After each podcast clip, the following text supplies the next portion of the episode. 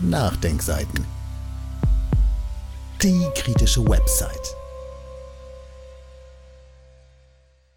Wir waren schon viel weiter im Umgang mit Russland, in der Wirtschaftspolitik und bei der Solidarität in Europa, sogar bei Überlegungen zur Verkehrsvermeidung. Von Albrecht Müller. Regression, Rückwärtsentwicklung ist das Markenzeichen unserer Zeit. Wir setzten auf gemeinsame Sicherheit und rüsten jetzt wieder gegeneinander auf, militärisch und geistig, mental und medial. Wir ersticken im Verkehr, wir verlangen Freihandel und mehr Handel, statt darüber nachzudenken, wie man die Produktion auf der Welt dezentralisieren und damit unnötigen Verkehr vermeiden könnte. Am 28. August 1991, also nunmehr ziemlich genau vor 17 Jahren, habe ich einen Vorschlag für eine Strategie der Verkehrsvermeidung veröffentlicht. Siehe dazu eine Verlinkung. Das war das Ergebnis der Beratungen einer Arbeitsgruppe Verkehrsvermeidung im Arbeitskreis Ökologische Erneuerung der SPD-Bundestagsfraktion.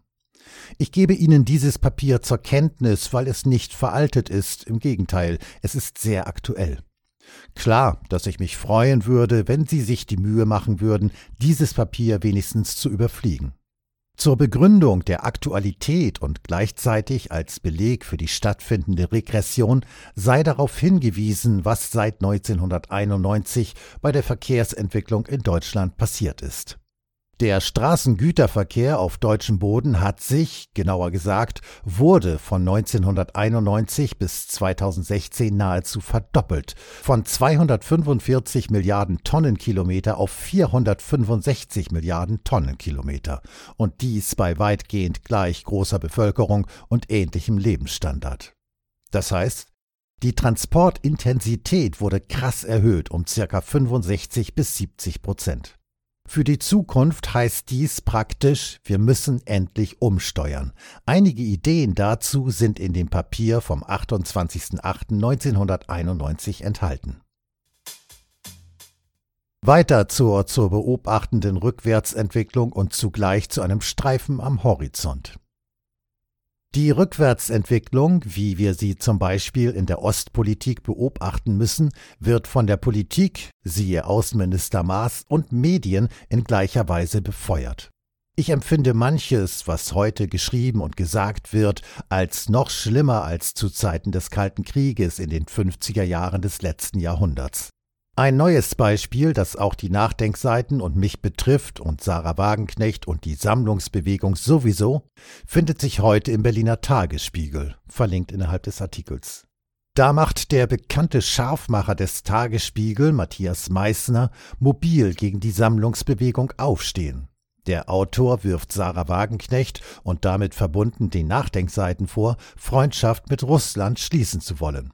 Diese Absicht wird also heute offensichtlich als beklagenswert betrachtet, wirklich ein Paradebeispiel für die geistige und sachliche Rückwärtsentwicklung wichtiger Meinungsführer. Ein Silberstreif am Horizont.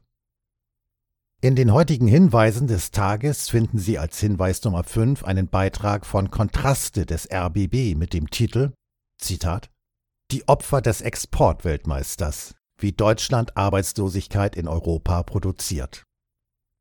Deutschland ist nicht ohne Grund als oberlehrerhaft verschrien. Gerne erklären wir dem Rest der Welt, dass er sich an Verträge zu halten hat. Dabei ist gerade Deutschland ein Weltmeister im Regelbrechen. Statt, wie bei der Einführung des Euro vereinbart, für stabiles Lohnwachstum und Inflation entsprechend der Produktivitätsentwicklung zu sorgen, spart und geizt Deutschland, wo es nur geht. Die Folge? Deutsche Produkte sind gut und vor allem preiswert. Ausländische Anbieter wie französische Autozulieferer setzt das noch mehr unter Druck. Niedrige Mindestlöhne und zu geringe staatliche Investitionen hierzulande kosten dort Arbeitsplätze. Die Zeche zahlen deutsche Niedriglöhner und ein wachsendes Arbeitslosenheer in anderen EU-Ländern. Zitat Ende. Das ist einfach klasse. Und es stört uns überhaupt nicht, dass wir von Beginn der Arbeit an den Nachdenkseiten, also seit 15 Jahren, darauf hinweisen. Wir haben davor gewarnt, mit der Politik der Exportüberschüsse zugleich Arbeitslosigkeit zu exportieren und den Zusammenhalt Europas zu ruinieren. Wir haben gerade in den letzten Wochen mehrmals darauf hingewiesen, was das für Völker im Süden und Südosten Europas und im Osten bedeutet. Die Zerschlagung der beruflichen Perspektive sehr vieler junger Leute und damit auch die Zerschlagung des guten Rufs Europas und der europäischen Zusammenarbeit.